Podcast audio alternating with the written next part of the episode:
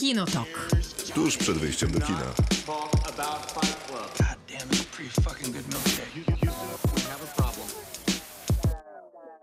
Krzysztof Majewski. Miłosława Bożek. Maciej Stasierski. Wszyscy są po wakacjach, więc to będzie najlepszy program, jaki zrobiliśmy, albo najgorszy. Ja osobiście będę trzymał się tego, że, jest, że będzie najlepszy. A ja głosuję za najgorszy. Dziękuję, Miłka. Na jakich ja byłem w wakacjach, chciałem zapytać. No, my byliśmy, więc czułeś się, jakbyś też był. A, no, no niezbyt. To tak, to tak nie działa, Nie, poczekaj, byłeś. drogi. Gdzie ty byłeś? W Polanicy?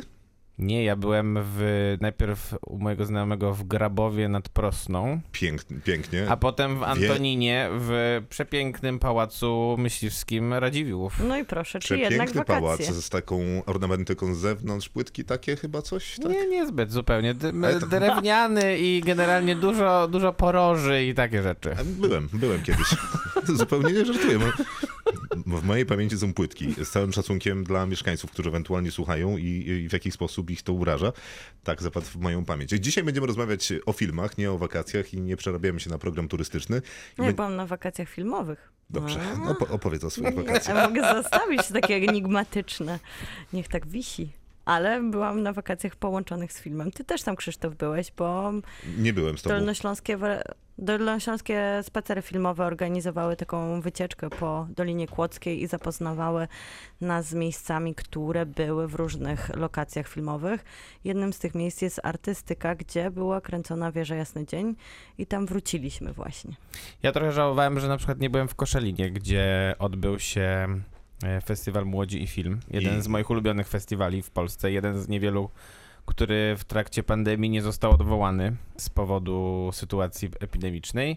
A tam I- mocna wrocławska reprezentacja. Tak, ale wygrał, a w konkurs filmów e, pełnometrażowych wygrała Supernowa, czyli film, który jest już znany od dłuższego czasu widzom. Natomiast bardzo dużo nagród zgarnął też film o Tomaszu Komendzie, który będzie Za- jeszcze w tym miesiącu chyba do obejrzenia, więc będzie pewnie będziemy go też recenzować, bo wygląda na to, że jakaś porządna robota tego Jana Holubka. No i Martyna Majewska też odebrała Jantara y, bodajże Za krótki metraż. y, publiczności. Nie, nie, głównego, tego? wielkiego Jantara. Głównego, ale jeszcze publi- Nie, dziennikarzy A. jeszcze do tego. Mhm. E, Więc wyjechała z dwoma. Serdeczne gratulacje z Martyną całkiem niedawno. Zresztą rozmawialiśmy o jej Tak. filmie mm, i też oglądaliśmy. Niezłe kino. A festiwal wyśmienity, naprawdę, jak będzie normalna sytuacja za rok, to warto pojechać.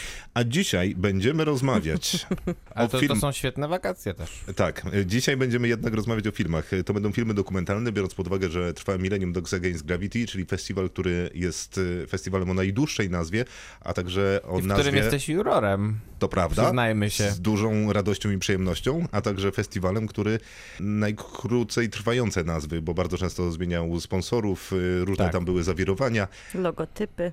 Tak jest. Ale, jest to wspaniały festiwal. Jeden z największych festiwali dokumentalnych w Europie, kawał znakomitego kina do obejrzenia tam. Od lat tam chodzimy i oglądamy filmy dokumentalne też w innych miejscach, więc pokusiliśmy się o wybranie trzech naszych ulubionych filmów dokumentalnych i polecenie do obejrzenia, do nadrobienia. Mm, Takie szanse są albo online, albo filmy dokumentalne na DVD kosztują żadne pieniądze. W sensie to, jest Prawda? O tańsze. ile jeszcze Tak. ktoś, jeżeli ktoś nośników, z nośników DVD korzysta i posiada takie, takie narzędzia, gdzie można włożyć je Tak, i tak. potem puszczać. To To, nie jest za- takie oczywiste wcale, na przykład przy nowych komputerach, które nie, jest, jest posiadają zupełnie. ich. Przy najniższej krajowej myślę, że można mieć potężną, za najniższą krajową można mieć potężną kolekcję DVD nowiuteńkich prosto z folii. A Więc będziemy o tym rozmawiać. Będziemy rozmawiać o filmach, które są związane ze szkołą, a to dlatego, że wróciliśmy do szkół, a takich filmów mnóstwo jest świetnych. Wyjątkowo liczę tutaj na ciebie, Miłka, bo mam wrażenie, że obejrzałaś wszystkie. To jest może i prawda, tak Przepraszam, było ja, trudno się ja zdecydować również dzisiaj. obejrzałem takich filmów dużo, gdyż A, jest i to tak- wspaniała rzecz, To uważam. prawda, ja się podpisuję pod tym. A i tak najlepszy To polecę ja ja. wiem, o jakim ty powiesz, e, Maciek. Mogę ci wybrać? Po- Nie, przerwie? nie możesz mi wybrać, bo ja jeszcze nie wybrałem, ale No generalnie właśnie, będzie cudownie na pewno. I to będzie nasza pierwsza y, godzina, czyli cykl w robocie, w którym polecamy filmy y, y, o szkole. Później będą dokumenty, nasze ulubione po trzy, czyli łącznie pojawi się dziewięć, może więcej, jak nam się będą powtarzać. A w następnej godzinie zajmiemy się między innymi nowym filmem Charlie'ego Kaufmana. Którego tytułu zawsze zapominam. To jest niewiarygodne, bo ja też. I think, I'm think, y, thinking about ending things. dokładnie. Tak, chyba coś takiego. Jakoś tam plus No, minus. no, no. Mhm. E, Myślę, żeby to z tym skończyć. I będziemy rozmawiać o serialu High Score i będziemy Którego rozmawiać... nie oglądałem. E, e, To możecie... Okej, Przyznaję się bez bicia. uprzejmie zapraszamy. Talk about Fight Club. Kinotok. Film. Czas na spotkanie z cyklem w robocie, o którym pamiętam. E, Miłka, no musisz zacząć, e, jako że od kiedy cię znam, a znam cię już kawał czasu, wiecznie opowiadasz mi o tym, jak wiele filmów e, o szkole obejrzałaś i nie chcę teraz... Tak, cały czas mamy takie rozmowy? Jeżeli rozmawiamy o filmach, jakichś takich e, trochę starszych niż powiedzmy 5 czy 8 lat, to albo pojawiają się filmy, w których występuje szkoła, albo romkomy, czyli komedie romantyczne. No tak, romkomy Mi- Kim Miłka jeszcze lubi romanse ogólnie. I melodramaty O, bardzo. Ja, ja pod tymi dwoma tezami ostatnimi waszymi nie mogę się podpisać, ale podpisuję się pod komediami romantycznymi i pod y, filmami, które mają element szkoły w sobie. W sensie, że lubisz też? Nie, nie, nie, że wiem, że Miłka A. y, lubi i Nie, wielokrotnie to- mi udowodniała, że obejrzała ich są- więcej niż ja, a ja obejrzałem ich naprawdę dużo. Bo ja się fascynuję nie tylko szkołą, ja się fascynuję literaturą młodzieżową i to jest moja ulubiona formuła. Słuchajcie, i teraz wiecie, jak Fascynuję spędziłam... się szkołą z dystansu. Wiecie, jak spędziłam wakacje, przeczytałam wszystkie trzy tomy Hunger Games. No ale zadałaś pytanie, Śmierci. zadałaś pytanie, Półtorej dnia. A, to A ja znałem odpowiedź. kiedyś, dawno temu bardzo. Mhm. Ale tam nie ma szkoły, więc nie, Nie. wliczam w to Hunger Games. a jest czas na dygresję? Już zaczęła się i skończyła, więc możesz teraz podać tytuł. Bo chciałem tylko powiedzieć, że miałaś, to będzie szybka dygresja, że mogłeś przecież przeczytać do końca opowieść Xin Liu o mm, trzech ciałach. To nie zrobiłam w, pół, w półtorej dnia. No wiesz, dobrze, zależy od zacięcia. To są zasady. To jest trudna literatura, To jest ale to a propos tego, że Igrzyska Śmierci. Nie, scenarzyści nie. Gry o Tron będą e, pisali scenariusz do tej e, epickiej opowieści, no i A to dostaniemy serial. Kontynuacja I myślę- newsów dnia, tak? I myślę, że to jest świetna aktualnie? decyzja, Tak, to prawda, no, jakoś tak wyszło. ponieważ Vice jest, e, Vice i kto jest jeszcze drugi Brown? Benioff. Benioff. Oni przecież świetnie przełożyli Martina, którego wydawało się, że Aha, nie... przełożyli, no, tak, to przełożyli go Bo świetnie. potem nie im- go już od tak. nowa i generalnie To było im nie słabiej. wyszło, ale samo przekładanie literatury na ekran wydawałoby się niemożliwe, bo te tomiszcza i cała ta fantastyka No i te i poszczególne epic, postaci, tak, wydawało się, że nie da się tego przepisać na mały ekran, a im się to udało, więc prawda. nikt mu w sumie nie jest lepszy do tego niż oni prawdopodobnie, To bo prawda, oni się a, ale internet ma bardzo poważne wątpliwości. W ogóle A to dlatego, Ja że myślę, że myślą o tych ostatni sezon dwa Gry sezonach, a dwóch ostatnich sezonach Gry o Tron, a to Ja- ja oni wiem, w końcu wiem, nie wiem, muszą wiem. pisać tego, tylko To będą co z teraz... tymi filmami? Dobrze. A To ja mam ja, jeszcze super słuchajcie- ciekawostkę o, y, o tej powieści, kiedyś opowiem. To ja, słuchajcie, mam też seriale. Czy może być taka sytuacja? Y, Ja, ja osobiście uważam, że nie, ponieważ też chciałem mieć seriale, ale myślałem, że umówiliśmy się na filmy, więc nie dałem seriali. Więc oczywiście seriale mogą ile być. tych trzeba filmów w ogóle bo regulaminy- powiedzieć? Nie, no jeden. A, no to Miłka, jeden. A jeden? A nie mogę tak szybciutko odmów? Sześć. Nie, no powiedz o jednym. No Bo ja tutaj się nie mogłam zdecydować i mam Rozumiem, dwa powiedz o wypisane. jednym. No dobrze, to mam serial Freak and, Freaks and Geeks, czyli okropne tłumaczenie polskie Luzaki i Kujony. To jest serial, który możemy jedynie oglądać na DVD w Polsce, który nigdy nie był pokazywany w Dobre Polsce. tłumaczenie w sumie Też dość. myślę, że jest niezłe. Nie, bo Freaks and Geeks brzmi tak fajnie, tak cool. Poza tym Geeks po było angielsku. czymś takim, co u nas kujon nie jest odpowiednikiem geeka. Trzeba pamiętać o tym, że to jest dosyć e, ciekawa walka pomiędzy tym, jak tłumaczy się geeka, a Bo w, kujona. tym, bo w tym kraju nie powstały Gwiezdne Wojny, więc trudno, żeby język nadążył. Więc dlatego trochę luzaki i kujany mi nie pasują. Ze względu na geeks e, równa się A kujony, jak masz ale film? Mam Clueless jako jeden z najważniejszych i Seriously? najpiękniejszych filmów, jeżeli chodzi o szkołę. Ale e, myślałam też o Zakochanej Złośnicy, którą kocham i O, obejrzałam po latach to i jest fantastyczny. E, Ten film mi się nie starzeje, ale Miłosława, jedna, jedna, jedna to rekomendacja, jest James nie Franco, tytułów. Seth Rogen, Johnson Siegel, Linda Cardelli i wszyscy w pierwszych swoich rolach. Czyli zupełne takie odkrycia, które później znalazły drogę do szerokiego, szeroko rozumianego Hollywoodu, bo to nie są tylko aktorzy, ale jak wiemy, James Franco to jest w ogóle człowiek wielu talentów, podobnie z Sefem Rogenem, z którym współpracują od lat. I za samą produkcją stał Jude Apatow, który też e, w sumie no, słynie z takiego produkowania, pisania takich komedii błyskotliwszych z poczuciem humoru. albo mniej. Albo mniej ostatnio, to prawda, ale można powiedzieć, że parę tytułów mu się sprawdziło. Gdzie ta szkoła w tym filmie? No i ta szkoła to jest taka klasyczna teraz e, nostalgia z latami 80., ale wtedy to nic dziwnego, bo to był 90 79, jak e, serial został wypuszczony.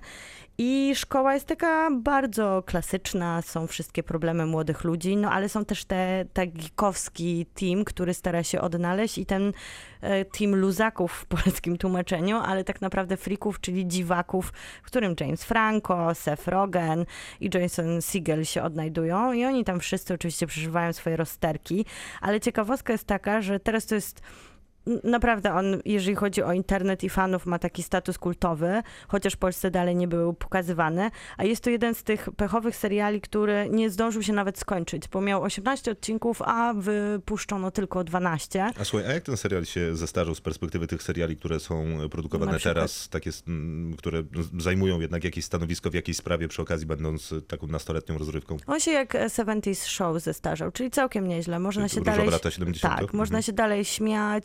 To są dalej też te twarze, które kojarzymy, bo la, różowe lata 70. mają w sobie dalej tych aktorów, których już znamy jako dorosłych aktorów i to działa jako taki most fajny. I tutaj no, większość tych twarzy z Freaks and Geeks rozpoznajemy. To są bardzo fajne skecze, do których można wracać po latach, A takie można ciepłe. gdzieś wrócić? No na DVD można wrócić. No bo w Polsce on nigdy w życiu nie był e, emitowany nigdzie, co jest bardzo ciekawe. Polecamy nadal filmy, w których szkoła jest dla wszystkich tych, którzy do szkoły musieli wrócić albo poszli pierwszy raz, więc ci, którzy poszli pierwszy raz, to pewnie jeszcze nie niestety, tylko są całkiem entuzjastycznie do sprawy nastawienia, ale z kolei pewnie już śpią i nas nie słuchają, bo to e, raczej młodzi ludzie. W każdym razie tym wszystkim, którzy są w szkole i jest im miło lub niemiło, to e, być może te filmy, które polecimy sprawią, że będzie odwrotnie. Maciej, co to będzie u ciebie? No Ja się zastanawiałem trochę i zastanawiałem się nad dwoma filmami Richarda Linklatera. Jeden się nazywa Uczniowska Balanga Dazed and Confused, Jasne. czyli słynny film ze słynnym e, All Right, All Right, All Right, który mówi Matthew McConaughey, a drugi film Który jest Też jeszcze wtedy Richarda ser, Linklatera. surferem tak Sekundę, naprawdę, sekundę, który jest jeszcze wtedy surferem. Jest jeszcze wtedy surferem niewybitnym aktorem i zaznaczmy, że on kompletnie nie mówi tego tak, jak ty powiedziałeś. gorzej mówi niż ja. No, to w sensie, wsadź, Nie, mówi- sobie coś, do- banana A, tak, do no ust to i prawda. wtedy to będzie działać. Drugi film też Linklatera, który się nazywa Szkoła Rocka, z kolei z Jackiem Blackiem, który udaje nauczyciela i, i na- angażuje dzieci do występu w e, koncercie rockowym, ale wybrałem Carrie Briana De Palmy. Wspaniale. Bardzo mi się podoba ten wstęp. Wybrałem Carrie Briana De Palmy, film z, z 1976 roku.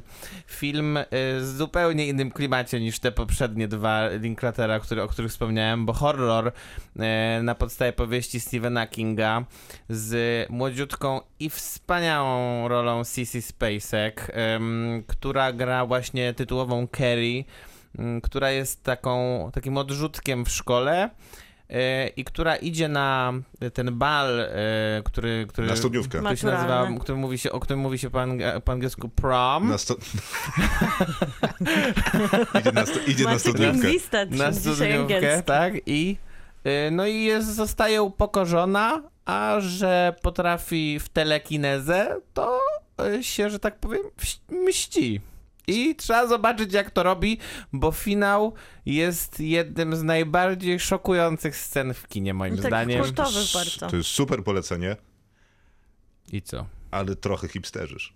Dlaczego? Ty wybrałeś film z 40 lat, Ale którego w dodatku nie widziałem. Najgorsze jest to, Nie że... widziałeś Kerry? Naprawdę? No i O, wybrałeś na swoją wstydu. wstydu E, network? ale, No, ale nawet- ale Nawet o niej nie myślałem. najgorsze jest to, że Come ten on. film został też um, zremakeowany w 2013 roku i tam e, postać, którą gra Sissy Spacek gra Colloy Grace Moretz, a postać, którą gra wybitnie też Piper Laurie, czyli matki, gra Mhm. fatalnie Julian Moore i jest to fatalny film. Ale jest też W którym taki roku? serial... W 2013. To jest, Jest bardzo też- dziwne, bo to kompletnie brzmi jak film, który bym obejrzał w 2013 roku.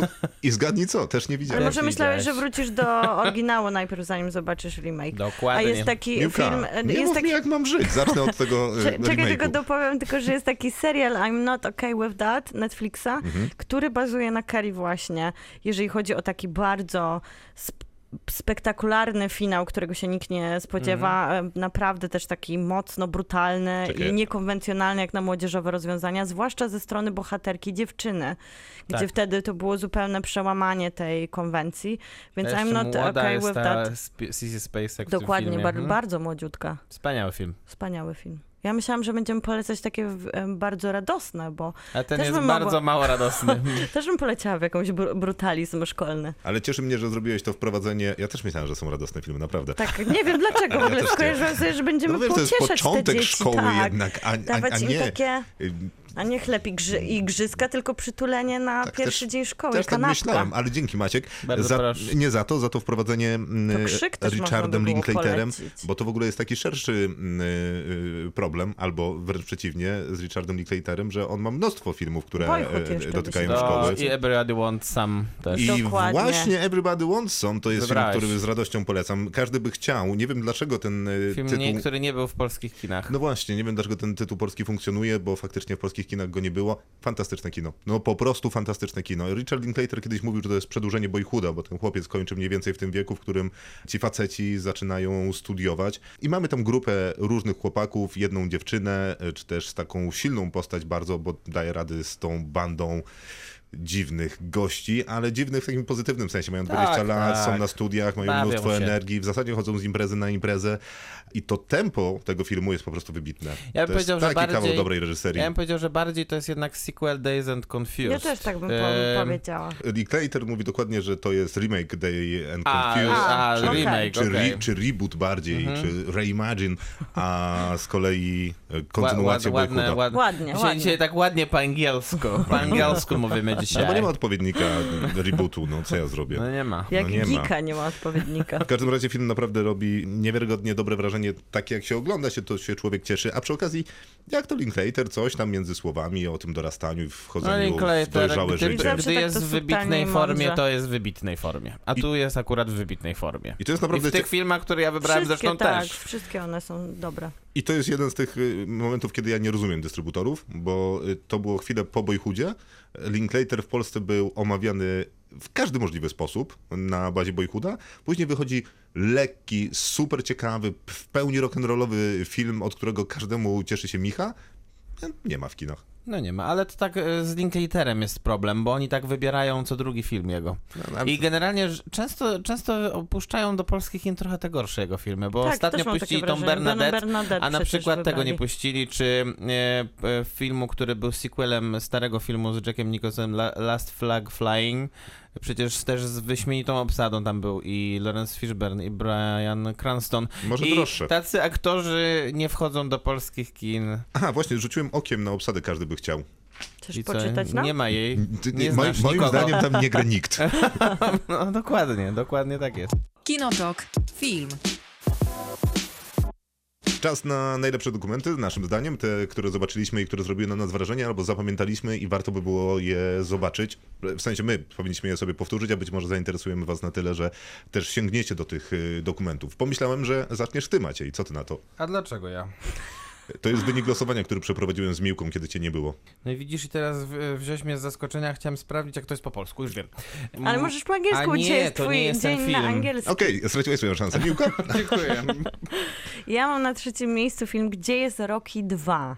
Jest to film, który widziałam na 17, em, no- na 17 festiwalu Nowe Horyzonty z 2016 roku i opowiada o artyście konceptualnym Edzie Rasha, który umieścił rzeźbę w kształcie kamienia na pustyni. tak, tak, pamiętam. I to był koniec lat 70., kiedy on tą rzeźbę umieścił. I Francuz Pierre y, Bismuth, który jest reżyserem tego filmu, po prostu zafascynował go tak strasznie ten kamień na pustyni pełnej kamieni, bo to jest taka pustynia składająca się dokładnie z takich kamieni jak rzeźba Eda Rasha. Postanowił ten sztuczny kamień odnaleźć i no i Brzmi jak film Jamesa Benninga. i jedynym dowodem na Taki z istnienie konkursu, z konkursu filmów o sztuce na Nowych Horyzontach. to jest Dla film tych, którzy o nie byli, sztuce- jest tam ciężko. To jest e, Ale wspaniały. bywa też wspaniale. To jest A, wspaniały rozumiem. film, właśnie jeden z tych, które odmieniają ten, ten wrażenie, że filmy o sztuce bywają raczej no, różne, ale ciężej z tych, które zapamiętujemy. A By- ten, by- e, bywają tak, przygodą. Bywają przygodą. No, to, tak. to była przygoda, ale też wspaniałe jest to, że jedynym dowodem na istnienie tej słynnej rzeźby jest reportaż BBC dokumentujący, jak Rocky 2, czyli drugi kamień, zostaje umieszczony na pustyni, bo do pierwszego nigdy Edrasz się nie przyznawał.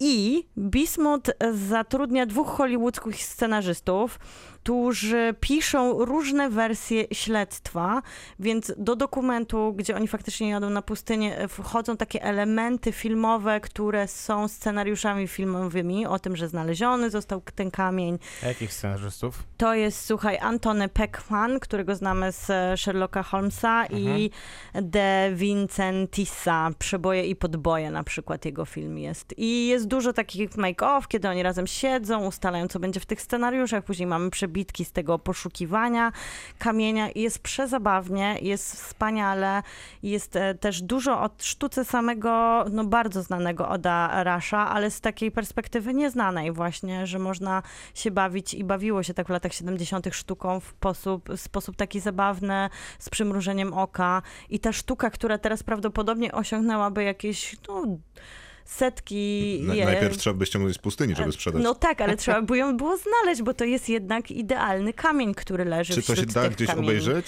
Tak jak mówiłeś, to się da obejrzeć e, świeżo zapakowane w folię. Okej, okej, okej. Maciek straciłeś swoją szansę, że, więc wyleciałeś na koniec e, kolejki. Film Miłki nazywa się e, Gdzie jest Gdzie Rocky? jest Rocky 2? Pierre Bismuth, reżyser, Tak. jest też współscenarzystą e, filmu, który, za który Charlie Kaufman Mówili. Tak, dostał jedynego swojego Oscara, czyli Zakochanego bez pamięci. dokładnie. A jednocześnie przypominam, że I to jest jego debiut od dzisiaj fabularny. jeszcze do niedzieli, albo jak będziecie słuchać podcastu, to do niedzieli pff, 13 września trwa Millennium Dogs Against Gravity, więc y, zapraszamy serdecznie. Tam jest naprawdę mnóstwo dokumentów i to jest wyświechtane, ale tam naprawdę każdy znajdzie coś dla siebie. Ale A- nie ma w tym roku fake fiction, tak by w sumie można było nazwać, gdzie jest Rocky 2. Nie, nie, nie wiem, czy nie ma. Myślę, Myślisz, że ja tak jeden film troszeczkę. można by znaleźć, jak się uprzesz, e, ale nie wiem. Nie, spra- no, nie sprawdzałem. No, no bo tak trochę jest, bo główna część festiwalu odbywa się w Warszawie, we Wrocławiu Tak, jest tak. sekcja na przykład prawda. jakaś tam nowych technologii, czy coś w tym guście. I w sekcji są dwa filmach filmy. dużo. Są dwa filmy. I na przykład są filmy o Quentinie Tarantino, o tworzeniu egzorcysty, Tak więc jest, to też ciekawe. Forman versus Forman. e, narratorem. Dobra, ja będę polecał Morgana Spurlocka i w zasadzie można go polecić jako całość. Najlepiej znany jest oczywiście Super Size Me, czyli filmu o... e, Jedzenie w McDonaldzie. Dokładnie. No Tak. tak. Mm. Rzecz polega na tym, żeby mówić o tym bez mówienia. Skoro już jesteśmy przy lokowaniu produktu, to Morgan Spurlock robi też następny film i to jest po prostu coś super ciekawego. Nazywa się Pom Wonderful, najdrożej sprzedany film świata. Bo koncept Spurlocka na ten film jest taki, że przez cały film opowiada o tym, jak zbiera środki na ten film. Więc na przykład idzie do dużej firmy i mówi, że słuchajcie, to jest kombinezon, na tym kombinezonie tutaj wielki napis z logo waszej firmy i ewentualnie jakimś hasłem kosztuje 10 tysięcy dolarów, te 10 tysięcy dolarów wydam na zrobienie tego filmu. I oni mówią, okej, sprzedane. Później idzie sprzedać rękaw, kolejny rękaw, sprzedać kask, później idzie do jakiejś firmy motoryzacyjnej i mówi, słuchajcie, dajcie mi samochody, to będę całą kolumną samochodów jeździł w tym filmie. No I on pewną marką samochodów faktycznie przemieszcza się, jedzie siedem tych samochodów i e, Sperlock tam się przemieszcza z jednego miejsca do e, drugiego, czyli do następnej firmy, który będzie sprzedawał coś tam jeszcze kolejnego. A w międzyczasie prowadzi taką opowieść o lokowaniu produktu, jak to powinno wyglądać. Trochę przewiduje to, jak to teraz wygląda, czyli na przykład, że au- audycja zawiera lokowanie produktu, co jest dosyć ciekawe, a także mówi innymi o hollywoodzkich trailerach, y, jak są robione, czyli na przykład jest podczepiane to coś do mózgu, co bada fale mózgowe, a następnie są pokazywane wybrane sceny i sprawdza się, jak mózg reaguje na wybrane sceny. Jeżeli pozytywnie, no to okej, scena wchodzi do trailera albo ma większe szanse, żeby wejść. A Pom Wonderful to firma, która kupiła prawa do tytułu do tego filmu. O tym jest ta główna opowieść, o sprzedaży praw do tytułu filmu. Ona kosztuje e, milion dolarów. To jest jakiegoś tam rodzaju napój niedostępny w Polsce. Na szczęście. Koniec historii, jakże wspaniała. Historia w sensie fajnie, wspaniała? Gdzie się ogląda? Gdzieś się Historia, ogląda? sam koncept na film, bo super przewrotny, no, zrobić film o tym, jak zbierasz budżet na film, a jednocześnie opowiedzieć o mm, lokowaniu produktu, sprzedaży, marketingu. Fantastyczna robota. Zresztą Morgan Spurlock jest naprawdę świetnym gościem, ma bardzo fajne podejście, takie mocno niekonwencjonalne do dokumentu, zresztą pewnie stąd jego sława i chwała na świecie, a wydaje mi się, że trochę zapomniany ostatnio, bo też pewnie, bo też nic nie zrobił. No to tyle A w tej... gdzieś się ogląda? Nie, Tak, na DVD y, niestety. No, myślę, że to, To mu- taka będzie dzisiaj historia Zdaje się, że dokumentów. mój tak samo. e, Ja wybrałem Life Itself, dokument o Rogera Ibercie, czyli o jednym z najbardziej znanych I jedynym nagrodzonym Pulitzerem. tak, e, krytyków filmowych w historii, prawdopodobnie krytyki filmowej. Człowieku, który e, pisał dla gazety Chicago Sun-Times, nie, Chicago Tribune. Nieważne. Y, Sun Times. Sun Times. Stworzyli też ze swoim kolegą e, z branży, że tak powiem, pisarsko, pisarsko-krytycznej, Ginem Siskelem, program, w którym, w którym opowiadali o tym, czy kciuk jest do góry, czy w dół. I na, ten, na, na tej podstawie wiele filmów zyskiwało bardzo wielkie sukcesy, a oraz albo zostało zapomniane i znikały w box office. No bardzo wpływowy krytyk, który nauczył, wydaje mi się, bardzo dużo pokoleń krytyków tego, że nie warto się za bardzo chyba przyjaźnić z artystami, a szczególnie nie warto się przyjaźnić z reżyserami, bo potem ciężko jest recenzować ich filmy. Dlatego Roger Ebert zawsze uważał, że jego jedynym e, przyjacielem filmowym jest Martin Scorsese, co jest przy, przy okazji jeszcze bardziej cool, więc wszystko się zgadza. W tej postaci niestety zmarł na raka krtani po ciężkiej chorobie. Fantastyczny człowiek i też fantastyczny literat, bo on y, był jednym z tych krytyków, który przepychał y, formę krytyczno-filmową do poziomu literackiego, czyli jak każda dobra krytyka filmowa być powinna.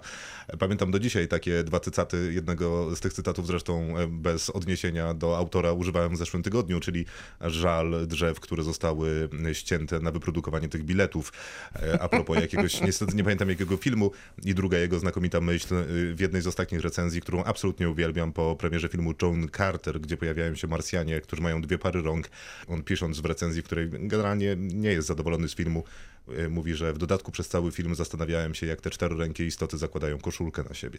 No i ciekawe, że dziedzictwo Rogera Eberta jednak wciąż jest kultywowane, bo mm, strona rogerebert.com istnieje i są, pojawiają się na niej recenzje na przykład naszego bardzo Mhm. dobrego znajomego tutaj też z podcastu Michała Michała, Oleszczyka. Oleszczyka. Tak jest. Dobrze Maciej, masz teraz szansę numer dwa. Mam, ym, I więc, więc mój film numer dwa to jest Siko Michaela Mura. Film Michael Moore, pewnie większość Wszyscy słuchaczy zna. Y, Ostatnio bardziej, bardziej jednak komentator polityczny niż filmowiec, ale twórca Ostatnio? Fahrenheit 911, za który dostał Złotą Palmę na festiwalu w Cannes oraz Bowling for Columbine, za który dostał Oscara, czyli film o tym, jak y, dzieci kupiły broń i zaczęły strzelać. Wspaniale, ale ja się Ale zgubiłem. Co Siko, polecasz? Aha. ale Siko polecam, bo jest to uważam najbardziej rzeźki i zabawny jego dokument, a jest to dokument, ale jednocześnie bardzo taki smutny i dojmujący, bo jest to dokument opowiadający o tym, jak wygląda służba zdrowia w Stanach Zjednoczonych. Bardzo lubię ten dokument. I jak bardzo i Michael Moore ją wspaniale kontrastuje w, z europejskim systemem służby zdrowia, ale też na przykład z kubańskim systemem służby zdrowia, który przynajmniej według wizji Michaela Moore'a wygląda dużo bardziej sprawnie niż system amerykański. Wydaje mi się, że dosyć aktualny jednak dokument, mimo że sprzed 13 lat, z prostego powodu, że w okresie pandemii e, wszystkie wady e, amerykańskiego systemu służby zdrowia się ujawniły i powielokroć i ze zdwojoną siłą uderzyły w amerykańskie społeczeństwo. Więc Michael Moore em, jakby stworzył pra- prawdopodobnie bardzo uniwersalny film i naprawdę rewelacyjny. Miłka? Y, Sorry, świetne polecenie Maciej. Dziękuję, Ja dziękuję. Nie, na, nie, naprawdę, Ja bo naprawdę trochę myślałem podpisuję. nad tymi dokumentami i zupełnie zapomniałem o Michaelu Murze, Michaelu Murze. I, I jeszcze wybierasz y, nie taki pierwszy z brzegu film, czyli Tak. właśnie no, że tam Fahrenheit chociażby, więc y, bardzo dobre, dobre. Ja ten najlepiej pamiętam z jego zestawień, a wszystkie tak naprawdę były No takie... bo jesteś hipsterką, omijasz te No, mainstreamowe tytuły no, niszowych reżyserów. Y, Co tam polecasz ty? Ja mam film Lewiatan z 2012 roku. Ale nie Andrija Nie, nie, nie, to jest takiego To duetu. Od razu mi się smutno Bo to, zrobiło. Już abstrahując od tego, że Lewiatan Andrija Zwiagincewa Nie jak, jest dokumentem. jak byłby dokumentalny w formie, nie jest dokumentem. Nie, nie, nie, jest to taki duet dwóch, e, jeden, jeden z reżyserów to jest wykładowca na Harvardzie, druga reżyserka współpracuje z nim na Harvardzie. Wcześniej robili takie krótkie filmy, ale to jest ich pierwszy debiutancki dokument i on jest e, formalnie bardzo ciekawy, bo to jest tak naprawdę nocny połów ryb u wybrzeży Nowej Anglii, gdzie na tym statku umieszczone są No, kamery... no, film Jamesa Benninga. W różnych punktach tego statku są umieszczone bardzo malutkie kamery, które rejestrują każdy ruch. Wyróżnienie na konkursie filmów o sztuce na Nowych Horyzontach, tym razem Miłka. Słuchajcie, przesadzacie, wybieracie jakieś Naprawdę mocne tytuły. Ja, ja mam wrażenie, że jakiś mainstream będę polecał. Ale ja dzisiaj myślałam o tych filmach, które po prostu nie, ale skończ, skończ w o tym. pamięci. No jasne. I na przykład The Rock jako film, który nie mógłby być dokumentem, mokumentem, bo on tak naprawdę opowiada o prawdziwych postaciach, ale w taki sposób, że wydają się fikcyjne. Ja Po bardzo prostu. pro- o tych rybkach. Dobrze, i te ryby, i te kamery są umieszczone w taki sposób, że my tak naprawdę widzimy albo ten statek z perspektywy tej ryby, która upada na mokre, na mokre drewno, albo z perspektywy fali, która uderza. I to brzmi jak taki oniryczny, najgorszy obraz, na którym się Zaiste. zasypia. Ale zadziwiająco to jest niesamowicie groźne, wręcz horrorystyczne, takie fizyczne doświadczenie. Ten huk wody nie pozwala nam e, zapaść w drzemkę, którą się zapada przy onirycznych doświadczeniach. To się dzieje w nocy My pewnie. Tak, i my czujemy ten, ten, tą ciężką fizyczną pracę rybaków, ten znój, po prostu ten, ten mróz, tą wodę, nawet te mewy tutaj działają. Tak trochę mi się kojarzy teraz, że, em, Że e, Lighthouse, Lighthouse był inspirowany Mhm. Lewiatanem, bo bardzo dużo jest tam takiego, takiego, takiego mroku, który wynika gdzieś z bycia samotnie na morzu, z ciężkiej pracy i obcowania z taką siłą niesamowitą. Gdzieś w tym jest taka literacka, takie literackie ujęcie, nie wiem, Moby Dicka i takich doświadczeń, które przeżywaliśmy jako młodzi ludzie, czytając te wielkie męskie wyprawy e, na środek oceanu, więc jest to straszne, jest to z dreszczykiem, jest to niesamowicie plastyczne. Milka, uważam, że powinnaś swoje rekomendacje wysłać jednak Jamesowi Benningowi, bo on, on, on poczuje ten klimat, że tam jest te rybki, że można postawić kamerę i nic nie robić, albo Ale tak, tam- jak,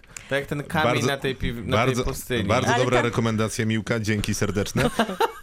To jest No naprawdę co, super, no jest, no film. jest no. nieoczywiste. No w życiu, film. w życiu my nawet To się... teraz twoją przez- oczywistą posłuchajmy. Dobrze, y, i, i teraz ja będę polecał trzy filmy, y, ale jest to trylogia, więc chyba mogę. No, wiedziałam. A, aha. Bardzo cieszę się, że polecasz. Bo Michela Glawogera ktoś polecić musi y, A, najwyraźniej. ja myślałam to o czymś innym.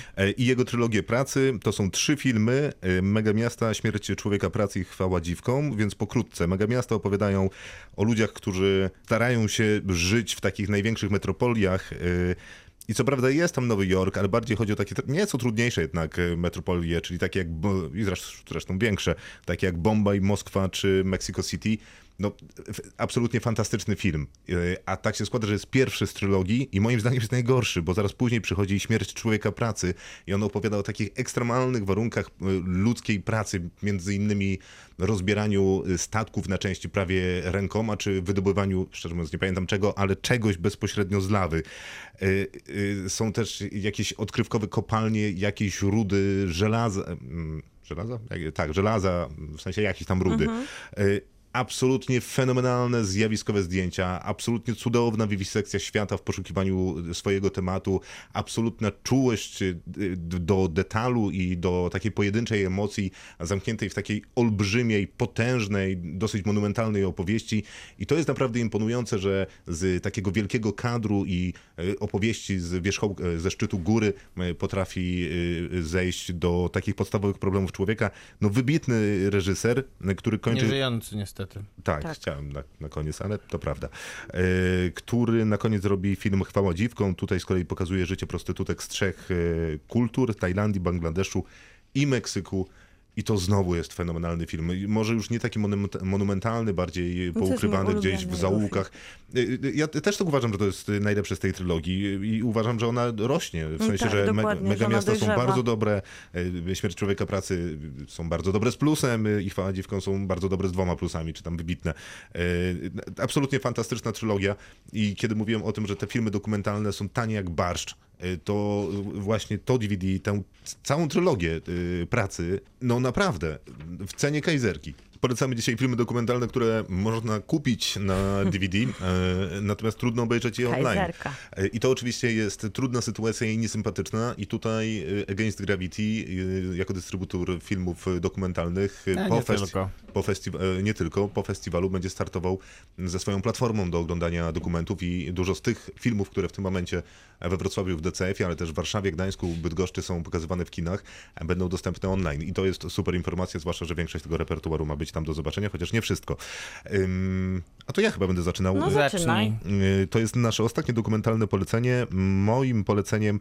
Nie, nie chciałem tego robić, bo to jest faktycznie taki mainstream, y, o którym się bardzo długo mówiło, ale bałem się, że y, ten film nie padnie, więc stwierdziłem, że musi paść, bo jest to absolutnie najwybitniejszy dokument, jaki kiedykolwiek widziałem, który sprawił, że przez tydzień siedziało mi to w głowie. Niewyobrażalność. mm, banalności zła. Y, I to jest, y, są w zasadzie dwa filmy Joshua Oppenheimera, Scena zbrodni i Scena ciszy, ciszy.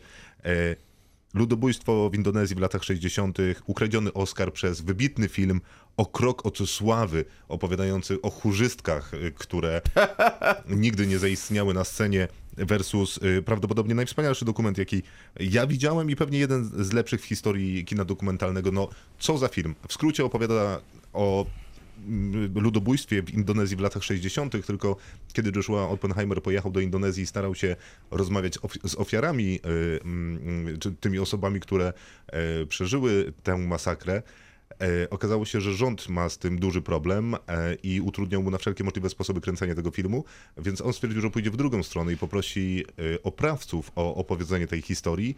I ci oprawcy tworzą jakby film w ramach tego filmu opowiadający o swoich bestialstwach i opowiadają to jak luźną anegdotę popijając or- orężadę i robi to piorunujące wrażenie e, i film jest wybitny. Raz jeszcze podkreślę, na pewno o nim słyszeliście już e, parę razy, więc to jest kolejny raz, więc może to będzie ten moment, w którym ktoś się zdecyduje obejrzeć. Mówiłam, jak jechaliśmy tu z Maćkiem, że myślałam, że on wybierze Essential Killing, a myślałam, że ty znowu wybierzesz Asifa Kapadiego i jakiś jego film, bo aż dziwne, że Asif ta... Kapadia jest na tyle świeży, że, że Jest tak mi samo świeży jak ten film. Jak film o Joshua no. Oppenheimera, bo, No jak z Diego bo, był w zeszłym roku bo, ale z jednym z nich wygrała też Amy. No właśnie. Tak, tak, tak, ale no Diego mia, miałeś dopiero co w kinie, on dopiero co zamknął Mhm. tę trylogię, więc y, no nie wiem, czy to taka sama świeżość, chyba nie bardzo.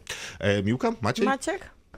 Więc ja e, się zastanawiałem długo i tak jak, tak jak przy w robocie wymieniłem trzy filmy, to teraz też wymienię trzy. Mm, pewnie. No, też tak więc em, nie dostały się na moje pierwsze miejsce za, ani Citizen 4, czyli dokument o, Edwa- o Edwardzie Snowdenie, Mhm. ani Heima, czyli dokument o em, trasie po Islandii grupy Sigur Ros. A e, To na, było dopiero nudne. na pierwszym miejscu u mnie jest dokument, który zresztą obejrzałem na festiwalu Dogs, Millennium Dogs Against Gravity, czyli Lubow, Miłość po rosyjsku. E, niezwykle e, wzruszający, wstrząsujący obraz Rosji, stworzony przez, poprzez zadawanie pytań i rozmowę z Rosjanami. Przeprowadzone, wywiady przeprowadza nobli, białoruska noblistka Swietłana Aleksiejewicz i jest to absolutnie rzecz wstrząsająca i absolutnie prawdopodobnie nie do zdobycia nigdzie. Aktualnie niestety. Miłka. No to ja miałam bardzo trudną sytuację, bo oczywiście chciałabym wybrać na pierwsze miejsce mistrza Wernera Herzoga i jego ogólnie cały dorobek dokumentalny, ale dla mnie chyba najważniejszy jest Grizzly Man, który zrobił ogromne na mnie wrażenie. Przy okazji ja też jestem... Co tak patrzysz? Zastanawiam się, na czym polegał trud sytuacji, że, y, że u Herzoga taki wybór? Nie, że Jest jednak mam, nie, że jednak mam inny w ogóle film, ale nie mogę nie wspomnieć o mistrzu A, Wernerze rozumiem. Co to za Herzogu. film masz? I, i o Grizzlymanie, a film mam, który jest serialem i jest to serial Życie i śmierć Roberta Darsta, który wydaje mi się, że odmienił twarz telewizji Nie, dokumentalnej. Absolutnie, miałem to mieć na pierwszym miejscu, ale stwierdziłem, że y, spotkamy się dzisiaj tu razem, więc po, po co mamy się powtarzać? Dziękuję, bo przecież sam Robert Darst, e, który no był e, raz sądzony za morderstwo i nie został osądzony, ponieważ e, no, trzeba wspomnieć, że on jest e, miliarderem, odziedziczył fortunę po swoim ojcu, deweloperze, który był odpowiedzialny za budowanie części Manhattanu i dzięki temu mógł sobie pozwolić na świetnych prawników, którzy obronili go przed tymi zarzutami, chociaż poćwiartował człowieka i jego głowy nigdy nie odnaleziono, że zrobił to w obronie własnej. Więc był to człowiek, który, którego poznajemy na ekranie, który już zabił, ale nigdy nie odsiedział. Przepraszam, Znaczy, to nie jest odpowie- śmieszne, Nie, ale... nie, nie jest, ale to jest trochę ta- Jest to niemożliwie absurdalne. No to 20, jest- to 20 jest w ogóle- razy dźgnął się w plecy, popełnił samobójstwo. To jest bardziej absurdalne, bo sam Robert Darst zadzwonił do mm, reżysera tego dokumentu,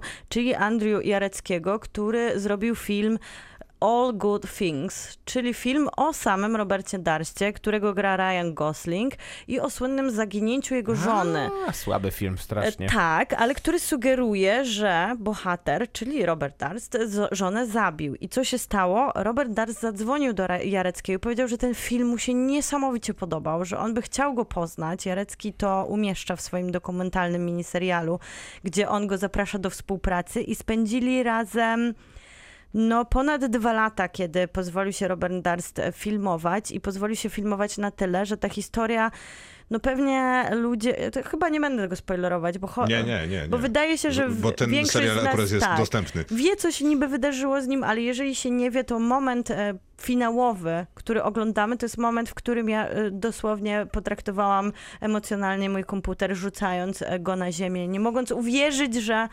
jestem świadkiem tej sytuacji. Tru- Było to Trudno nie być cynikiem po skończeniu Tak. tego serialu, naprawdę trudno. emocjonalnie i też tak właśnie przełomowo, że nagle telewizja trochę odczarowuje to, jak, jak, jak właśnie myśleliśmy kiedyś o dokumentach, że są nudne, a serial dokumentalny o człowieku, który, który zmienia też kolej rzeczy i bieg jego życia i nas jako widzów No nie, jest no, ale niesamowicie emocjonalny. Znakomity dorobek To prawda. e, produkcji Ale dokumentalnych. czegoś takiego nie było, że przeżywasz e, z A to chyba bohaterem. Netflixa, tak? Nie, to jest Nie, HBO. HBO. Y, No Making nie, no mieli przecież Murder, ten y, myślisz, o, film o Polaku, Icemanie chociażby, czyli y, ta no, rozmowa w więzieniu przeprowadzona przez Tak, to prawda. reżyserkę, która pracuje dla HBO, no przecież to też było piorunujące, później wyszedł chyba nawet film fabularny, który no, raczej do udanych nie należy. Więc w tym wypadku można powiedzieć, że nie trzeba kupować, a można zobaczyć na HBO e, dokumentalny serial Jinx, Życie i śmierć Roberta Darsta, chyba jedna z niewielu naszych propozycji, która jest do zobaczenia w tym momencie na akurat, VOD. Akurat trzeba, tyle że w inny sposób. To co, za moment Charlie Kaufman i y, High Score. Kinotok. Film. No to czas na Charlie'ego Kaufmana i jego najnowszy film, który dostępny jest na Netflixie. Myślę o skończeniu rzeczy. I think of ending things. Dokładnie. To Krzysztof mi tutaj poza anteną nakazał opowiedzieć, o czym jest film. To myślę, że idealnym takim trochę obejściem tego będzie, o czym jest książka. A tak naprawdę ona jest punktem wyjściowym, o czym jest film. A ciężko jest Przepraszam, czy to jest- opowiedzieć. Czy to jest jakiś plan na Nie, po prostu ciężko jest opowiedzieć, o czym jest ten film. I Zaiste, Thinking of. Ending Things tak naprawdę został... To prawda. Z, no więc myślę, że książka będzie dobrym punktem wyjścia. Z, jest adaptacją książki Jana Lida z 2016 roku i ona była opisywana jako thriller psychologiczny i horror o młodej kobiecie, która ma wiele wątpliwości, jeżeli chodzi o jej związek, ale wyrusza w nim w podróż na spotkanie z jego rodzicami. Czyli Myślę, nie, nie że to wyrusza jest ze Tak. związkiem w podróż, tylko ze swoim mężczyzną, którym jest w związku. I z którym Tak, ma i z samochodem. wątpliwości. I z samochodem. Wyrusza w podróż, I z tak. wątpliwościami, i głową pełną pomysłów. I o tym była powieść właśnie. I co ciekawe, sam pisarz opowiadał, że książkę pisał długo, bo trzy lata, ale historię miał od zawsze w głowie, bo sam się wychowywał na farmie w odległym Ontario, które tutaj się pojawia i wraca cały czas w filmie Kaufmana. I bardzo dużo podróżował po kanadyjskich wiejskich drogach w całkowitej ciem- ciemności, co jest też ważnym elementem, bo tutaj mamy tak sekwencyjnie trochę film podzielony na takie opowieści, które rozdzielają nam, na początku jeszcze dają Żeby nam... było jasne, są trzy. Najpierw jadą samochodem przez 40 minut, Tak. później są, w do... Później są w domu tych rodziców głównego bohatera na farmie, a później wracają 40 minut samochodem, na końcu jest muzyka. Nie, jeszcze jest szkoła. Ja bym to li- liczyła jako No, okej, element. Jest jeszcze, Są jeszcze lody. I lody, Tak, dokładnie. Więc jest troszkę takich elementów, które dzielą ten film sekce- sekwencyjnie. I wydaje mi się, że na początku jest taka. sensie ma więcej niż dwie sceny. Ale nie, ale one tworzą takie wręcz epizody wewnątrz e, te, tego filmu, bo na Tak, początku. tak, to oczywiście prawda się trochę nabijam. Co Wydaje ważne, mi się, że na początku Kaufman trochę nam obiecuje, że będzie podążał drogą współczesnego horroru, idąc za Jordanem Pilem tak, tak, i Arym się, Asterem. dokładnie, zwłaszcza, że zaczyna się prawie tak samo jak e, Uciekaj, Jak Uciekaj, Jordana Pila, dokładnie. czyli jedziemy do rodziców e, mojego partnera, partnerki. To co ważne, co chciałem e, dodać, żebyśmy nie zapomnieli, chociaż powiemy to 10 razy, zdjęcia przygotował Łukasz Żal. Dokładnie. A sam Charlie Kaufman chyba jest ciekawą postacią, bo poza tym, że właśnie jest scenarzystą, to jego droga reżyserska jest e, dosyć ograniczona, bo to są tylko dwa tytuły, ale myślę, że Synek Doha, czyli film no już bardzo stary, bo 2008 Synek Doha New York, to jest film, który trochę odpowiada temu, co dostajemy, jeżeli e, oglądamy I Thinking of Ending Things, bo jest to taki film, który jak ja oglądałam lata temu, to kojarzył mi się z przeżywaniem koszmaru sennego na ekranie i wydaje mi się, że jest to gdzieś ta droga, którą kontynuuje I Think of Ending Things, a po drodze była Anomalisa, która też jest e, ani- Animowana. animowana, ale też ma w sobie właśnie taki element oniryzmu, który narzuca się na całą no właśnie, narrację. więc już byłem taki szczęśliwy, że wreszcie będziesz mogła pełnoprawnie słowa. używać słowa onirycznie, g- które uwielbiasz, kiedy opowiadamy o filmach, które są y, Ale po części oniryczne oczywiście. ale co ciekawe, jest tu też duże poczucie humoru, które no zawsze miał w sobie Charlie Kaufman, bo pisał scenariusze i zaczął od być jak John Malkovich dla Spike'a Jonze, gdzie on sam siebie gra i to z takim mocnym przymrużeniem oka, a następnie w adaptacji tak naprawdę jego bohater, którego napisał Nicolas Cage, pisze książkę i jest nim, bo on dokładnie swój scenariusz, opi- swój scenariusz oparł na powieści Susan Orlan, którą właśnie Nicolas Cage adaptuje w filmie, więc pozwalał sobie na takie prześmianie samego siebie. I wydaje mi się, że w tej dziwnej, dosyć nieprzyjemnej drodze, którą przeżywamy z bohaterami I Thinking of Ending Things, można znaleźć zadziwiająco dużo humoru, zwłaszcza w tych sekwencjach Jasne. rodzinnych. To ja krótko, bo też jakoś nie wydaje mi się, żeby jakoś wybitnie wiele było do powiedzenia na temat tego filmu, poza tym, że Łukasz Żal robił zdjęcia i naprawdę mnie to cieszy. E, bo zdjęcia... chociaż- Lukasz Żal, e, operator Idy i Zimnej Właśnie, Wojny. myślę, że dobrze to dodać. Jasne. E, W tym filmie pada taki cytat, a brzmi dokładnie tak. Większość ludzi to inni ludzie, ich myśli to czyjeś opinie, a ich życie to imitacja, a ich pasje to cytaty. Ten film, ten cytat y, wypowiada główna bohaterka tego y, filmu i wydaje mi się, że on dobrze porządkuje cały pomysł Kaufmana na tenże film, bo mimo, że jest tam dosyć prosta opowieść, jadą samochodem, są u rodziców, wracają samochodem, po drodze są loty i, wi- lody i wizyta w starym liceum, to Kaufman ma taki pomysł na to, że miesza bardzo dużo stylów, gatunków, te gatunki czasami od kina drogi przechodzą w horror, w jakieś może kino inicjacyjne i jeszcze parę innych gatunków, a przy okazji bardzo świadomie się nim posługuje, bardzo świadomie łamie je w takim momencie wybrzmienia crescendo jakiegoś, łamie je w taki zupełnie naturalny sposób i przechodzi w następny, ale tam zmienia się znacznie więcej, bo zmieniają się postaci, zmieniają się ich zawody, zmieniają się ich włosy, zmieniają się ich historie pochodzenia, kim są i dokąd zmierzają. Wiek. I ten cytat, do którego wrócę, czyli większość ludzi to inni ludzie, a ich myśli to czyjeś opinie i tak dalej, i tak dalej, no to zakładam, że Kaufman stawia taką tezę, że jesteśmy zbudowani z zbioru takich doświadczeń y, przekopiowanych z innych dzieł On kultury, nie- którymi się wyrażamy. E, A zresztą taka jest ta główna bohaterka, która czasami jest y, malarką, czasami jest pisarką, czasami zajmuje się wizytą Fizyczką. kwantową, e, albo czymś jeszcze innym, ale za każdym razem, kiedy jest malarką czy kimkolwiek innym e, i tworzy jakieś dzieło, to okazuje się, że to dzieło jest e, tworem kogoś innego, z reguły jakiegoś wybitnego przedstawiciela swojej specjalizacji. Nawet kiedy rozmawiają o filmie, kiedy jadą tym Dokładnie. samochodem, to cytują e, recenzje ludzi, którzy napisali na przykład najbardziej znaną recenzję filmu, o którym rozmawiają. Więc wydaje mi się, że Charlie Kaufman naprawdę jest geniuszem i wiele z jego scenariuszy można by za takie uznać. I wydaje mi się, że ten pomysł jest naprawdę znakomity, żeby opowiedzieć w tej przepełnionej masie y, y, cytatów i odniesień mm, y, historię zbudowaną z takich przekłamanych odniesień i relacji z samym sobą, no czymś absolutnie cudownym. Tylko niestety jest to strasznie nudne, strasznie męczące i trudne do oglądania. No, ja tutaj się na pewno muszę zgodzić z tym, że wspaniałe jest to, że w cały film opiera się, zwłaszcza, w, znaczy on się cały nie opiera. W momentach, kiedy jesteśmy w takich intymnych sytuacjach rozmowy pomiędzy bohaterką i bohaterem, czyli relacją, kiedy oni są sami w samochodzie najczęściej, bo jest jeszcze ta sekwencja rodzinna, która ma trochę inny wymiar, to tak naprawdę on stawia chyba taką tezę, że Współczesność wymaga od nas e, takich rozmów na poziomie pokazywania, jak wiele wiemy, jak wiele przeczytaliśmy, jak wiele się dowiedzieliśmy i gdzieś dosyć e, cienka jest granica pomiędzy tym, co jest naszą tożsamością, a co jest tożsamością wszystkich innych ludzi.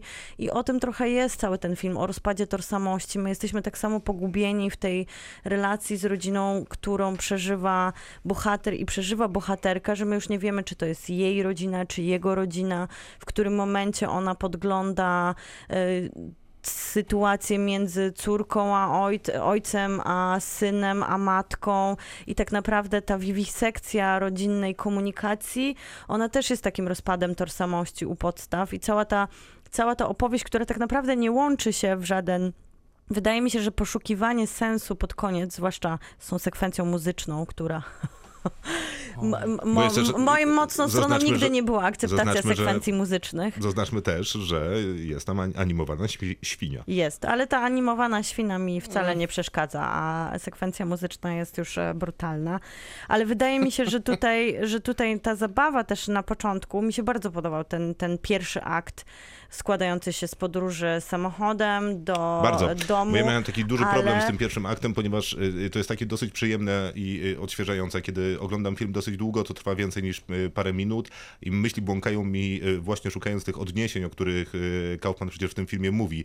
Y, y, Szukam jakichś połączeń, podobieństw, y, relacji tego filmu z czymkolwiek innym i trochę mi się tak ślizga ten umysł. Nie bardzo y, miałem z czym to pokleić, chyba że na upartego i ostatecznie jak nie mam z czym, to mówię, a, to jest teatralne. Uh huh. Ale tam no nie, jest, ale, to, ale tam nie, nie, jest no dobra, to jeżeli brakuje ci w tej chyba- myśli, to ją dopowiem, w tym sensie, że Mhm. Charlie Kaufman w życiu by nie zrobił tego filmu, gdyby nie Netflix, e, bo Netflix ma to do siebie, że pozwala twórcom zrobić te filmy dokładnie tak, jak e, chcą, a nie jestem przekonany, czy e, dostałby pieniądze na zrobienie tego filmu, żeby on wyszedł w Ale kinach. zrobił dwa Jakiejś wcześniej filmy, a dystrybucji, Synek Doha której nie zobaczysz była... ją w Polsce. Synek Doha jest filmem w ogóle nieprzystępnym dla widza. Anomalisa I klapą nie finansową, An- przypomnijmy. Anomalisa też nie jest filmem. Przystępnym filmem, chociaż już ona nie była klapą finansową i nagród zdobyła trochę, ale to myślę, że on jest jednak e, takim artystą, który wydaje mi się, że Netflix nie jest odpowiednim miejscem do oglądania tego filmu, bo tutaj w momencie, kiedy już wypadasz z tej gry, bo na początku on to sprytnie robi tą obietnicą współczesnego horroru, co już mówiliśmy, ten niepokój, który wzrasta w tym domu, cały czas myślimy, że w tej piwnicy będzie czekał na nas potwór, który, który tam zostawił te przecież pazury na drzwiach, więc to do tego momentu wciąga widza, Wszystko aż prawda. dostajemy kino... a teraz kropeczka Poczekaj, i... Mhm. aż tylko skończę tą jedną myśl, aż dostaniemy kino artystyczne wręcz, Aha. kiedy spędzamy czas w ciemnościach z bohaterami, którzy tylko rozmawiają, a to jest zabieg no dosyć nie taki mocno kontrowersyjny, myślę, że dla widza Netflixa i mnie na przykład zafascynował, ale wydaje mi się, że łatwo wtedy nacisnąć stop, jeżeli to jest player. Nie podobał mi się film Charlie'ego Kaufmana, niestety. Jest A, mi nie. z tego powodu smutno, gdyż wy wyglądał on potencjalnie na coś, co może być naprawdę interesujące. No tak jak, tak jak mówiliście, ten pierwszy akt, ja, ja bym bardziej nawiązał do tego, co się dzieje, jak, jak bohaterowie dojeżdżają jednak do tego domu ich rodziców, bo wtedy jakaś energia się pojawia na ekranie w końcu, dlatego że na ekranie też się pojawia David Tulis, który chyba ten film w pewnym sensie kradnie, a Tam przynajmniej... Mi- też mu troszkę mimo, że pomaga. absolutnie go przeszarżowuje, Absolutnie, To sprawia ale mi taki jest plan. taką radość patrzenie na niego, coś pięknego. Natomiast e, no, e, ja nie jestem jakimś fanem szczególnie przydługich rozmów na ekranie, a jeżeli te Idąc za rozmowy... Krzysztofem teatralnych. A jeżeli te... No tak, tylko że te rozmowy też są o niczym. Zupełnie o niczym, wydaje mi się. Oni tak sobie gadają, że tutaj pani cytuje rzeczywiście dużo rzeczy. E, Ciekawa jest ta scena, w której ona na przykład e, cytuje Pauline Kael, naj, super to najwybitniejszą prawdopodobnie krytyczkę filmową w historii, E, ale, ale po tej scenie to już zupełnie nic nie ma w tym filmie. To Ale jest właśnie- ostatnia Tak, tak, bo- dobra scena w tym filmie, kiedy tak, ona tak, tak. cytuje Pauline Kael i em, rozmawiają o tym filmie Johna Cassavetesa, a potem e, nagle pojawiają się w tej lodziarni i potem już nie ma nic sensu. Nie. Zupełnie nic. Ale nie, to, nie, nie. to ja bym Tam jest tylko... strumień świadomości, Tak, w tam sensie już rzeka, jest- tak. tam wodospad jest- świadomości, I, nie chcesz i, ja, Zły tego, sen. ja tego strumienia nie chcę oglądać, bo to dla mnie jest nieinteresujące, bo ja Bo nie. wolałbym swój strumień niż e, strumień Charlie'ego Kaufmana, który Nie brzmi to E, dobrze, ale Znaczy, rozumiem. no, tak, ale Charlie Kaufman jak e, ma wielką wyobraźnię, jest bardzo orygin- jest pewnego rodzaju oryginałem, em, ale chyba, chyba lepiej bardziej pisze scenariusze niż reżyseruje, bo e, mm, Anomalisa jest. Ja, ja nie oglądałem Synecdochy New York, Nowy Jork, więc, więc nie wypowiadam się na temat tego filmu. Natomiast Anomalisa jest e, filmem zdecydowanie lepiej napisanym niż, e, niż wyreżyserowanym. I tak samo jest chyba tutaj, bo rzeczywiście to, co mówił Krzysztof, czy to, co mówiłaś Miłka, czyli film ma bardzo dobry pomysł i jest bardzo dobry pomysł, ten scenariuszowy pomysł jest bardzo dobry. E, Zaczerpnięty oczywiście z książki, natomiast no, egzekucja tego pomysłu jest taka sobie. Niestety, ze względu na Ja to, że film nie jest angażujący za bardzo Ja tylko, jedno, emocjonalnie. ja tylko jedno zdanie, które brzmi tak, że Charlie Kaufman na pewno pisze, świetnie pisze, ale Pisze zdaje, wspaniale. zdaje się, że jak reżyseruje ktoś jego scenariusz, to jest po prostu lepiej. Tak, No bo, tak, bo, bo ale- idealny był ten, idealna była tam ten związek pomiędzy nim a Spike'em Jonesem, bo nie tylko Being John Malkovich, ale adaptacja to też jest film Spike'a Jonesa. Zakochany bez pamięci, za który, e, za który Charlie Kaufman dostał swojego jedynego. Oscara, to jest film Michel Gondry, więc też takiego reżysera, który ma e, niesamowitą wyobraźnię wizualną. E, Charlie Kaufman teoretycznie też tą, tę, tę mm, wyobraźnię wizualną ma, ale wygląda to trochę tak, jakby jednak kradł od tych swoich lepszych reżyserów i e, zabrakło mu reżysersko jego własnego stylu troszkę. Albo, albo też zabrakło mu troszeczkę po prostu mm, skilla reżyserskiego, mm, którego nie brakuje tym dwóm ludziom, o których wspomniałem wcześniej, czyli Jonesowi i Gondryemu. Ja mam wrażenie jednak, że gdyby zamknąć ten film do połowy, to byłby to fantastyczny film, bo A to- to aktorsko on pewno. Co się to broni. połowa? To jest ten, tak jak oni właśnie do tej, do tej lodziarni przyjeżdżają, czy Tak, co to to jest za oczywiście, W miejsce. tym tak. momencie można byłoby się wyłączyć film. i tam i wszystko gra, bo tak jak mówisz, że nie, jesteś zmęczony słuchaniem tych rozmów, to o to chodzi w sumie. Ja to odczytuję, jak, jakbyśmy podglądali rozmowy, które opierają się na cytowaniu rzeczywistości w kółko i one nie są ciekawe z perspektywy obserwowania tego, ale one mają obnażać pewien charakter współczesnego świata, a Tak, nie tylko być że- e, intrygujące dla widza. Tylko ja, ja na to przykład, jak, szanuję. ale, jak, ale jak słuchasz, e, podobne rozmowy na przykład, e, wydaje mi się, tylko że, tylko, że tutaj, są, tutaj są oparte na cytatach, a, a Woody Allen w złotych latach swojej kariery pisał takie rozmowy i e, one były irytujące i czasem nudne, ale jednak się oglądało to, bo się wchodziło w ten świat, który Woody Allen potrafił tworzyć w swoich dialogach samych. A tutaj same te dialogi są oparte na cytatach w większości przypadków.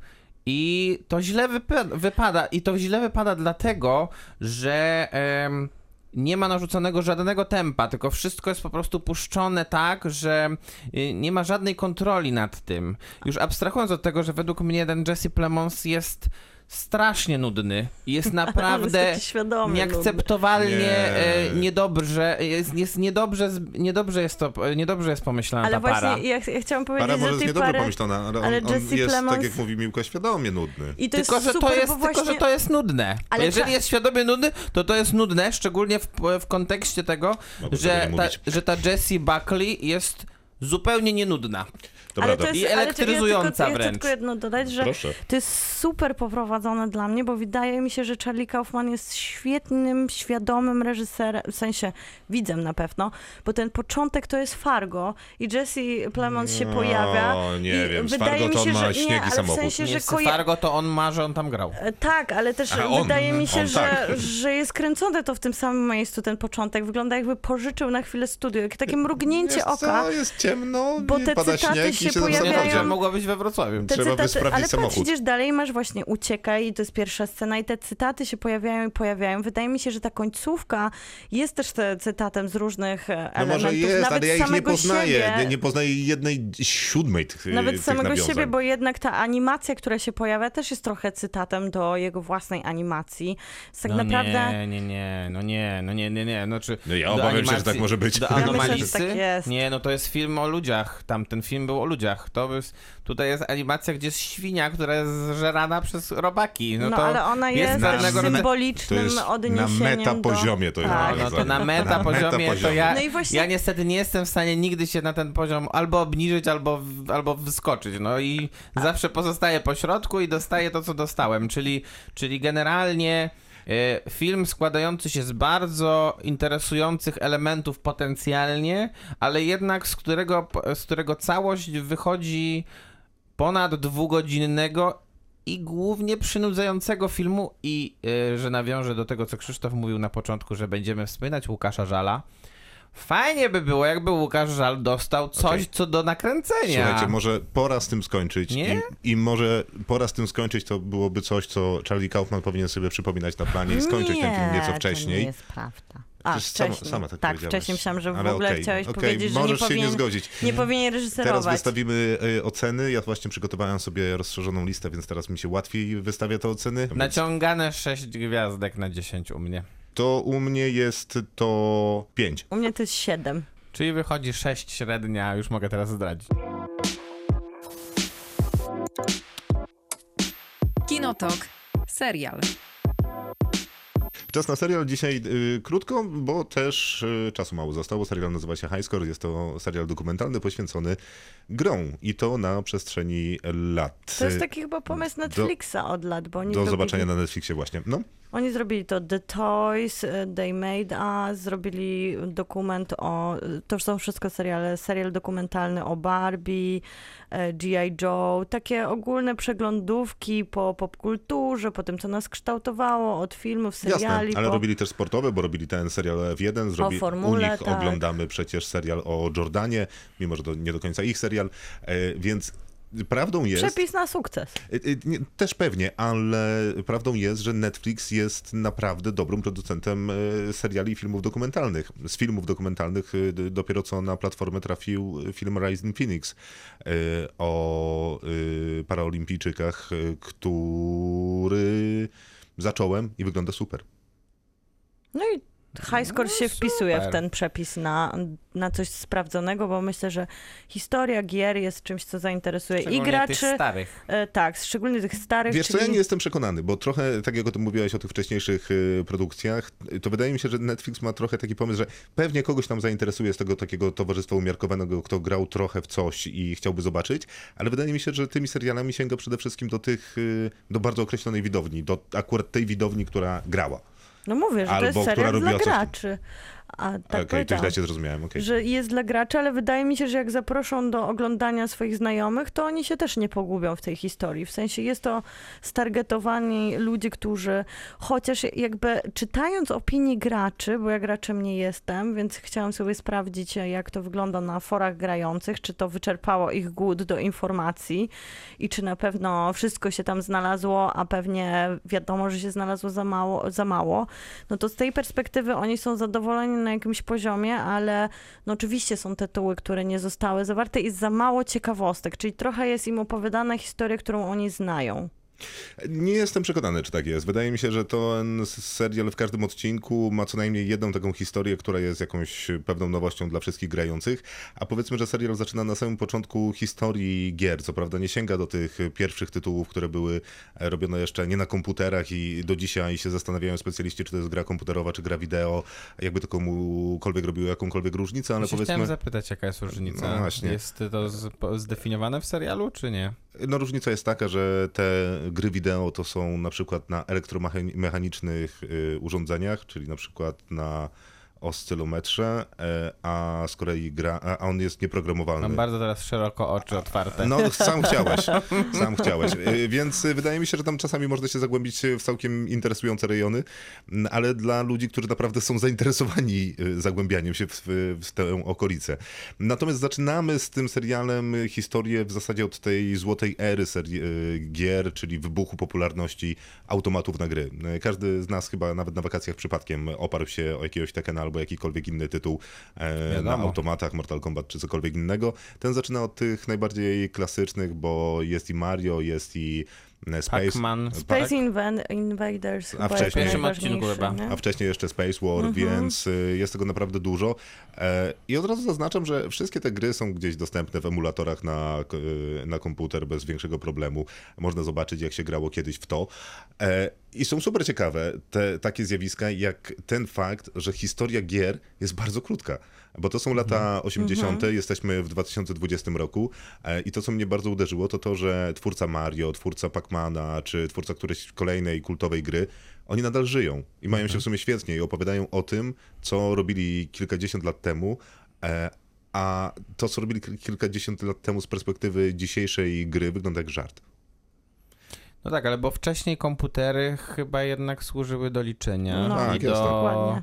do jakby naprawiania świata, można byłoby powiedzieć, a w pewnym momencie ktoś w końcu, tak ogólnie rzecz ujmując, a ktoś w końcu stwierdził, że może warto użyć komputerów do rozrywki i tak właśnie się stało. To prawda, no, jakaś taka druga uderzająca rzecz, kiedy zaglądaliśmy do tych lat 80. i 90., to jakby potęga takiej instytucji, zarówno ekonomicznej, ale jak, jak również na poziomie kultury pracy, czyli Atari, które rewolucjonizowało Dolinę Krzemową, która wtedy była sadem e, w ten sposób, że zapraszała ludzi w japonkach e, do pracy i nikt z tym nie miał żadnego problemu. E, Natomiast wszyscy inni tego nie robili i dzięki temu udało im się zebrać najlepszą ekipę. Atari zrobiło jakiś niewiarygodny sukces finansowy e, i było takim no, hegemonem z, z tej piątki, którą znamy dzisiaj doskonale, E, ale nie przetrwali. No i tu trochę też e, ten dokument pokazuje o takiej walce tytanów, bo jeden odcinek jest poświęcony Niten- Nintendo, które było... Które akurat przetrwało do dzisiaj. przetrwało do dzisiaj, które było takim wyjadaczem na rynku, nie miało żadnej konkurencji tak naprawdę, aż e, pojawił się mm, do Saga, Saga zatrudniła, wydawała swoją nową konsolę Genesis i zatrudniła po prostu amerykańskiego mm, speca od reklamy, który wprowadził prostu taki brutalny pomysł na to, jak sprzedawać Sonika, który pojawił się jako taki konkurencyjny bohater. Sonic, czyli bohater, który jest niebieski Który jest i szybko jeżem. biega. Który był bardzo udanym filmem. E, Był bardzo udanym, chyba jednym z najlepszych, e, jedna z najlepszych adaptacji Gier. gier która komputerowych. taka miała trochę jakieś brutalne problemy z produkcją, bo tam one Tak, były tak, bo przekładane fani bardzo na, długo. nacisnęli na producentów, żeby zmienili to, jak wygląda Sonic, bo są z Po- tego po niezadowoleni. tak. Więc przerobili całego Sonika i dali. Y, Szacunek pełny swoim fanom oddali. Nie wiem, nie wiem jaka była różnica, ale generalnie O, drastyczna. był to film zaskakująco dobry i zaskakująco dobra była w nim rola Jima Carreya. Więc jak się komuś podobał ten film, to tutaj może się dosyć sporo dowiedzieć o historii Sonika, Mhm. ale ten, ten produkt, bo ja tak e, trochę odczytuję ten serial, on jest e, po prostu odhaczone, jest wszystko, co jest potrzebne, żeby było dobre tempo, żeby się wszystko zgadzało, więc jest trochę gadających z głów, ale na tyle, żeby to zrównoważyć, żeby nie było nudno. Od razu pojawiają się jakieś elementy wzruszające, że to historia rodzinna, że to No tak, taki ten pomysł. pomysł że wszystko- na dokument I Netflixowy. tutaj jest jeszcze super zastosowany ten element plastyczny, że pojawiają się animacje, które odpowiadają grom, o którym się opowiada, które też tak fajnie przerywają trochę te archiwi- e, archiwalne elementy, które się pojawiają, z których oczywiście też korzysta Tak, już szu- serial, więc wszystko szuka się też- tu zgadza. Szuka też bohatera, no bo przecież jest ta historia w pierwszych odcinkach takiego młodego chłopaka, który właśnie bierze udział w Mistrzostwach Świata Mhm. w graniu y, na Atari, później jest dziewczynka, która bierze udział w Czyli takich... coś takiego się odbywa jeszcze. E, Odbywało, A, tak, w bo to, przeszłości. w sensie oni żyją, więc y, opowiadają swoją historię, kiedy mieli tam 10 czy 11 lat. E, Kiedy to było najlepsze, co się w życiu mogło wydarzyć. Tak, tak, Ciekawe, tak. się I wtedy jeszcze było takie MTV. bardzo oldschoolowe rozgrywki na Na przykład. Wiesz pewno co, w podziemiach. E- E-sport w tym momencie ma się świetnie, ale wydaje Ale mi się, to nie że jednak trochę w inna takim, w rozgrywka. takim oldschoolu i jednak za grube miliony. No i ty o e-sporcie E-sport? samym Mhm. też No tak, jest jasne. odcinek właśnie poświęcony Mhm. tematyce, jeżeli Zresztą, ktoś się chce. y, Netflix ma na w swojej ofercie osobny serial, Tak, który opowiada o e-sporcie. prawda. więc oni są jakby gotowi ze wszystkimi, ze wszystkimi odpowiedziami No w i- każdym momencie. To, co jeszcze było tam- ciekawe... Mhm. To, okej. to, co było super ciekawe jeszcze w tym serialu, to ta rywalizacja Japonii właśnie spod znaku Nintendo z Ameryką spod znaku Atari, e, mm, bo było to bardzo interesujące, jak nawzajem nie potrafili zaszczepić swoich wielkich sukcesów y, gier y, Amerykanie w Japonii, Japończycy w Stanach Zjednoczonych i jak kreatywny właśnie tam był y, marketing stosowany Czyli do tego, jednak żeby to Japończycy jednak robić. wygrali w pewnym sensie, bo Nie. Nintendo przeżyło. Aha, no okej, ale w Stanach Zjednoczonych są ze trzy inne firmy, które Jasne. każda przykrywa, przykrywa czapkami ni- Nintendo. E, No i właśnie można się dowiedzieć, wydaje mi się, a graczem nie jestem, więc to były dla mnie ciekawostki o jakichś takich naprawdę już insidach, czyli zaginionej grze RPG, którą która jest jedną z najważniejszych produ- produkcji LGBT, która się pojawiła w ramach właśnie odreagowania tego, co się działo w odpowiedzi na problem, jak, był, jak Stany Zjednoczone traktowały problem AIDS i to była taka gra, w której pojawia, złymi postaciami były postacie po prostu przeniesione z ekranów telewizorów i ona zaginęła w nieznanych okolicznościach, więc jest to też taki trochę wprowadzenie Wow. takiego. A wszystkie kopie? E, Wszystkie nie zachowała chyba się żadna i do dziś na forach, a wydaje Okej, się, że zostało jest nam tam 15 sporo... sekund, więc y, oceniamy Miłka?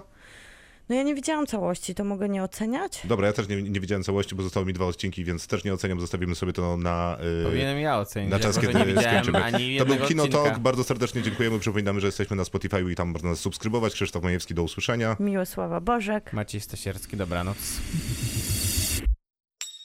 Kinotok. Tuż przed wyjściem do kina.